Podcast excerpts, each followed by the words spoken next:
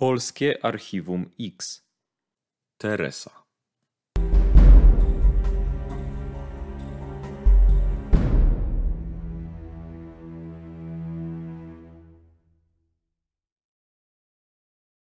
A sprawiedliwy, który umarł przedwcześnie, znajdzie odpoczynek.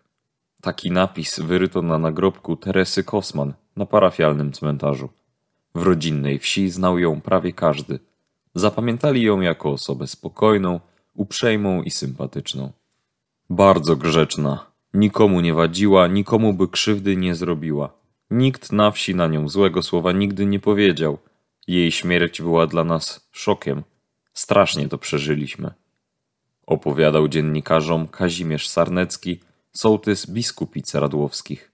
Teresa Kosman była 35-letnią panną i mieszkała razem z rodzicami w Biskupicach Radłowskich, niedaleko Tarnowa. Jej życie toczyło się według wyznaczonego rytmu.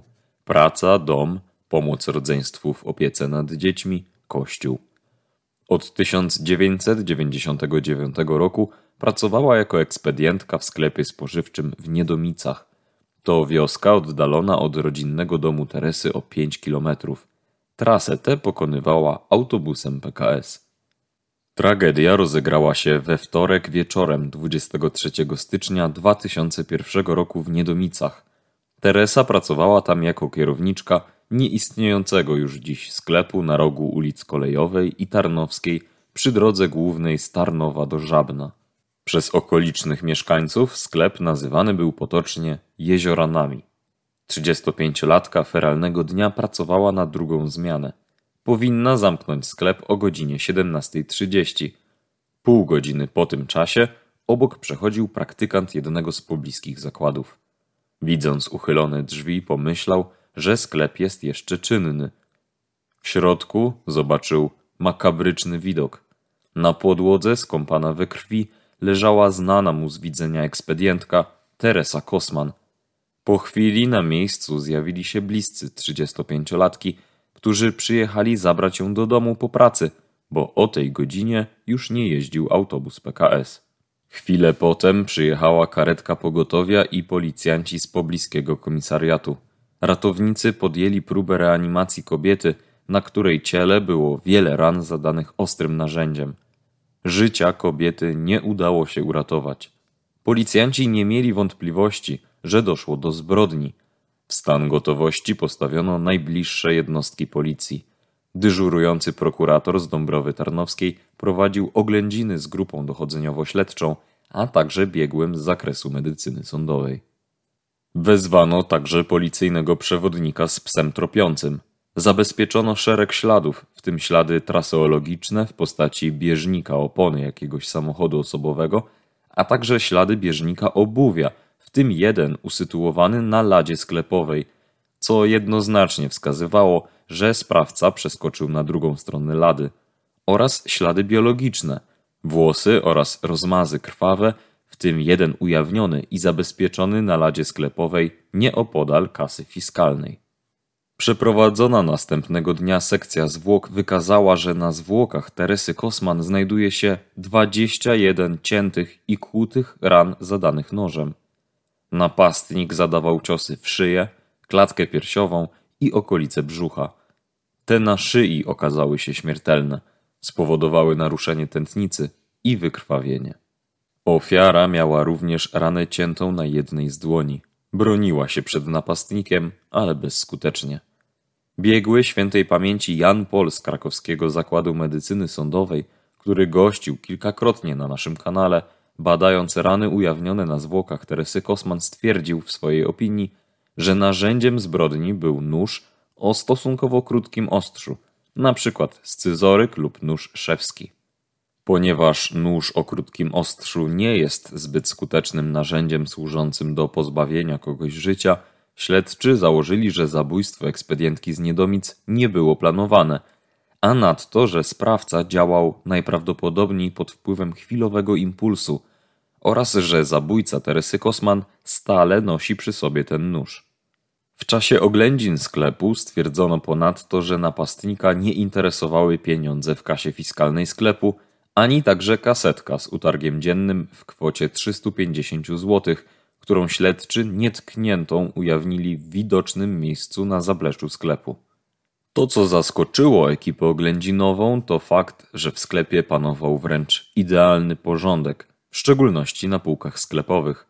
Z jednej więc strony ułożenie zwłok, liczne rany wskazywały na dynamiczny przebieg zdarzenia, a z drugiej strony ta dynamika działania sprawcy nie ma swojego odzwierciedlenia przykładowo w przemieszczeniu towarów na półce. Właściwie oprócz wywróconych dwóch cen na wysokości półki z alkoholem, brakowało innych przemieszczeń towaru wystawionego na sprzedaż. Bliscy pani Teresy, obecni przy oględzinach, stwierdzili, że ze sklepu sprawca zabrał czarną skórzaną torebkę ekspedientki z jej dowodem osobistym, parą rękawiczek, składanym parasolem i portmonetką ze 170 złotymi. Remanent prowadzony w sklepie następnego dnia wykaże, że ze sklepu zginęła jedna butelka czystej wódki absolwent. Co ciekawe, ustalono, że ten gatunek wódki od ponad roku był najchętniej zakupywanym w okolicy alkoholem, a to wskazywałoby, że jednak zabójca Teresy Kosman pochodzi z Niedomic lub sąsiednich miejscowości.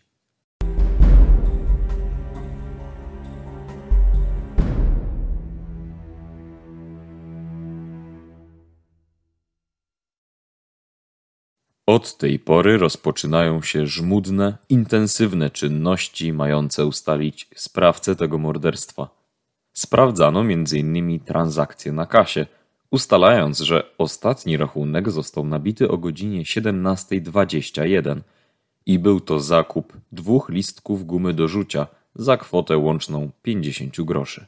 W śledztwie przyjęto kilka wersji zdarzeniowych.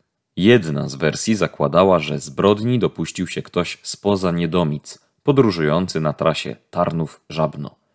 Inna zakładała, że zabójstwa dokonał ktoś z Niedomic, a kolejna, że zabójstwo nie zostało popełnione na tle majątkowym, tylko że była to jakaś zemsta na ofierze. Ten ostatni kierunek śledztwa szybko porzucono, gdy procesowo ustalono, że Teresa Kosman nie miała z nikim konfliktu. Nikt jej nie groził, oraz że nie miała żadnego zatargu z żadnym klientem sklepu.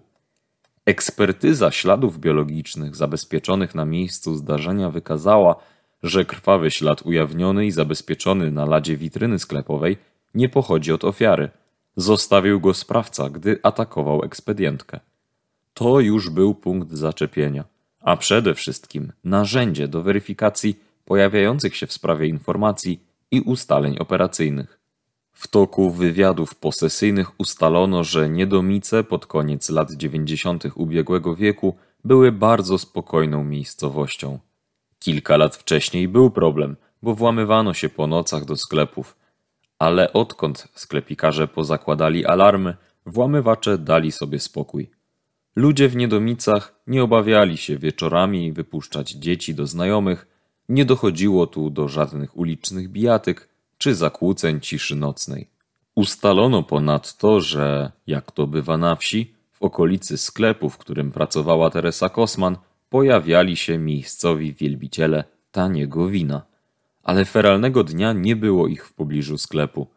W śledztwie przesłuchano setki osób mogących mieć wiedzę lub związek z tym przestępstwem, od których pobrano również materiał DNA, celu porównania z DNA wyodrębnionym z materiału biologicznego zabezpieczonego na miejscu zdarzenia. Sprawę zabójstwa Teresy Kosman nagłośniono w prasie i telewizji, pokazując m.in. wizerunek torebki damskiej, którą sprawca skradł z miejsca zdarzenia.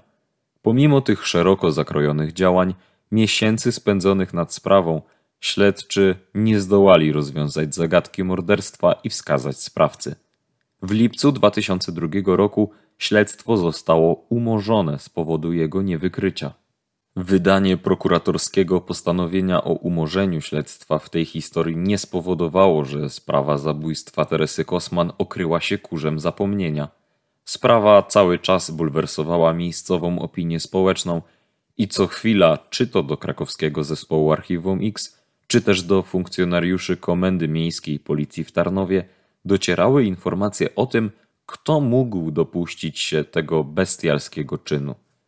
Informacje te były weryfikowane zarówno przez czynności o charakterze operacyjnym, ale również procesowo, w tak zwanym trybie międzyinstancyjnym, czyli bez decyzji o podjęciu śledztwa na nowo. W połowie 2020 roku sprawą zabójstwa Teresy Kosman zainteresowała się prokuratura okręgowa w Tarnowie.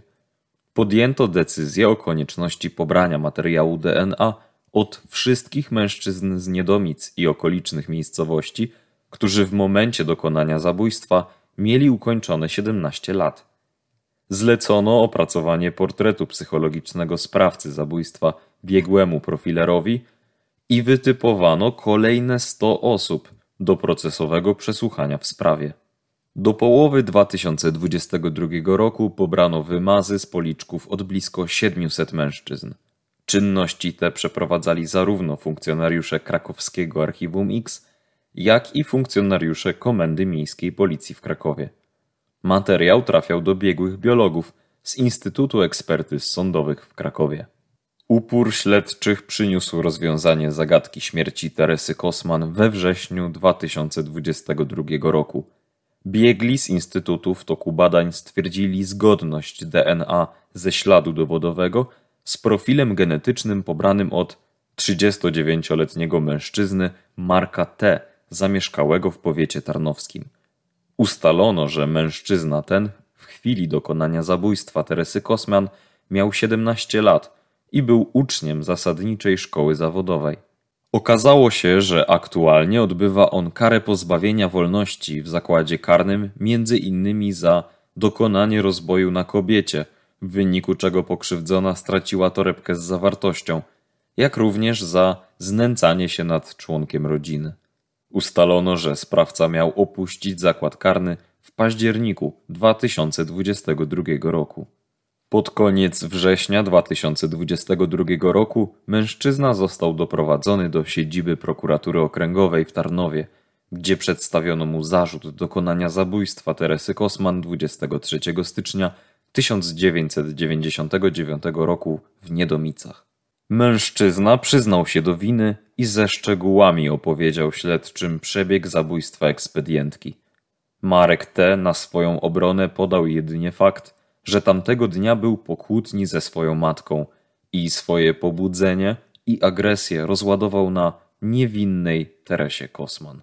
Podejrzanego zbadał zespół biegłych lekarzy psychiatrów oraz psycholog.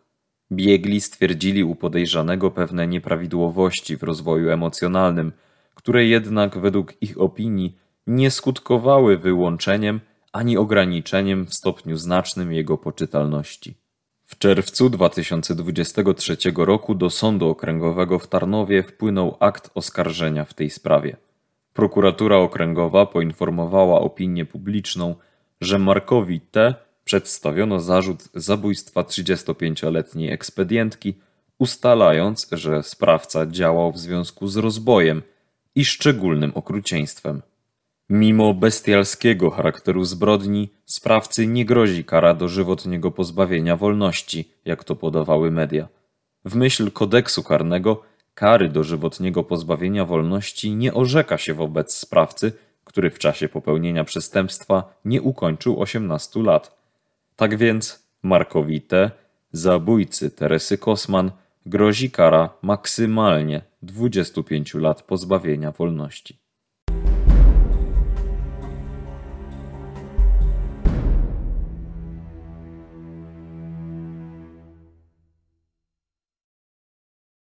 Mariusz, pamiętasz sprawę zabójstwa pani Teresy Kosman z Niedomic? Tak się jakoś złożyło, że były nam przydzielane już chyba po sprawie Jasi Matiaszek sprawy Starnowa. Tutaj co prawda nie prowadziliśmy tej sprawy procesu wykrywczego, tak można powiedzieć, w pełni zaangażowani, ale mieliśmy nadzór nad tą sprawą i bardzo często jeździliśmy i pewne wątki uznaliśmy, że będziemy sami po prostu czynnościami weryfikować. Ja muszę podkreślić na wstępie, że zawsze mówiłem o śladach na duszy ludzkiej, prawda, Jak, jaka to pomocna broń w przypadku zabójstw, natomiast no, tutaj w tym przypadku no, trzeba powiedzieć, że gdyby nie te ślady dobrze zrobione oględziny i ten, ten krwawy rozmaz zabezpieczony na ladzie sklepowej, no prawdopodobnie nie ujrzelibyśmy prawdy Co prawda to się w czasie odwlekło po ponad 20 lat, ale, ale tu byłoby ciężko mm, dojść do tej prawdy, ponieważ było to jednak tło rabunkowe, jak się okazało, prawda? Pamiętasz, ile mieliśmy wątpliwości co do właściwie motywu tej zbrodni, prawda?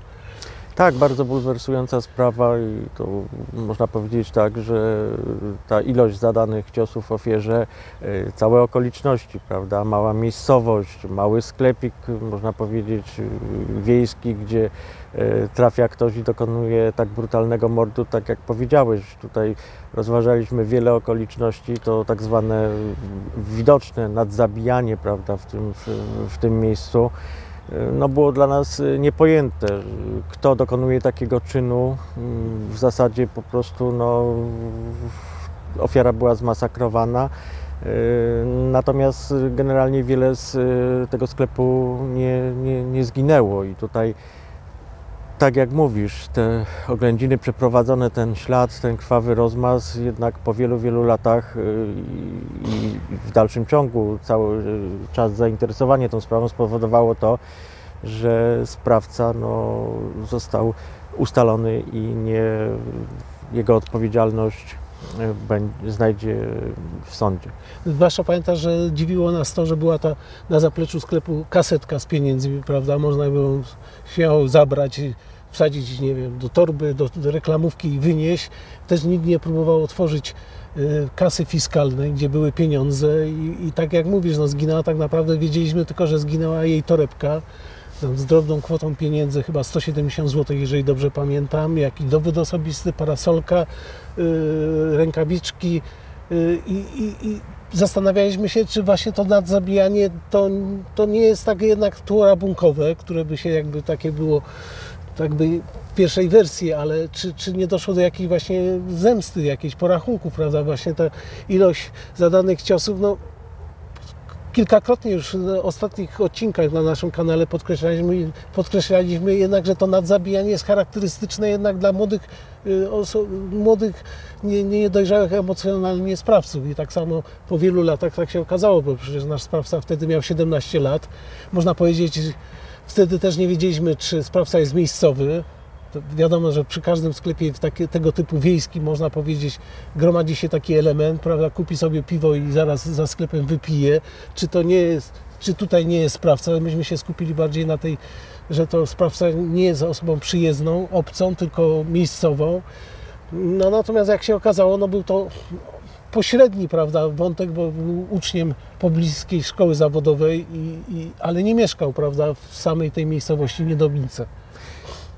Tutaj właśnie tak jak mówisz, bo od samego początku my skłanialiśmy się do takiej wersji, że no, nikt specjalnie nie przyjechał w to miejsce, y, żeby dokonać tego zdarzenia. Co prawda prowadząc te czynności nadzoru Y, nad y, funkcjonariuszami Starnowa prowadziliśmy wielokrotnie właśnie rozmowy. Tam pojawiały się właśnie takie teorie, że ktoś przejeżdżając no tak, no zatrzymał się, dokonał tego zabójstwa. My od początku wychodziliśmy z założenia, że no, nikt nie przyjechał do tak małej miejscowości E, zabić w małym sklepie kobiety, jeszcze nie dokonując tego jakiejś e, korzyści. I no to nie cały czas, tak. tak, to cały czas się gdzieś tam przewijało e, w, naszym, w, na, w, naszych czynnościach, w naszym rozumowaniu, że jednak sprawca może pochodzić właśnie gdzieś z, z tego regionu, kręgu, tak. regionu.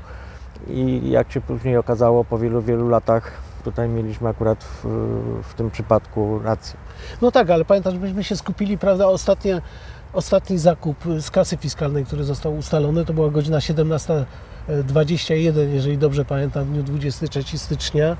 Yy, I, i te, to był zakup dwóch listków gumy do rzucia i, i przez przypadek nam się udało ustalić, że młodzi ludzie, prawda, przez, yy, rozmawiali i podali, kto kupował te gumy, prawda, i nam się wydawało, że jest to jednak powiązane ze sobą, że, że, że już nigdy nie, posz, nie przyszedł do tego sklepu później, prawda, że ten, który ten, który dokonywał zakupu tych dwóch listków, no to był jakiś pretekst, prawda, że potrzebował coś zagadać do tej ekspedientki i potem ją pozbawił życia. Jednak się okazało, że, że te dwa wątki nie miały ze sobą mm, żadnego wspólnego, jak gdyby no, po prostu modus operandi. No, okazało się, że ten człowiek po prostu przyszedł praktycznie na sam zamknięcie sklepu, czyli 9 minut później i dokonał tej bestialskiej zbrodni.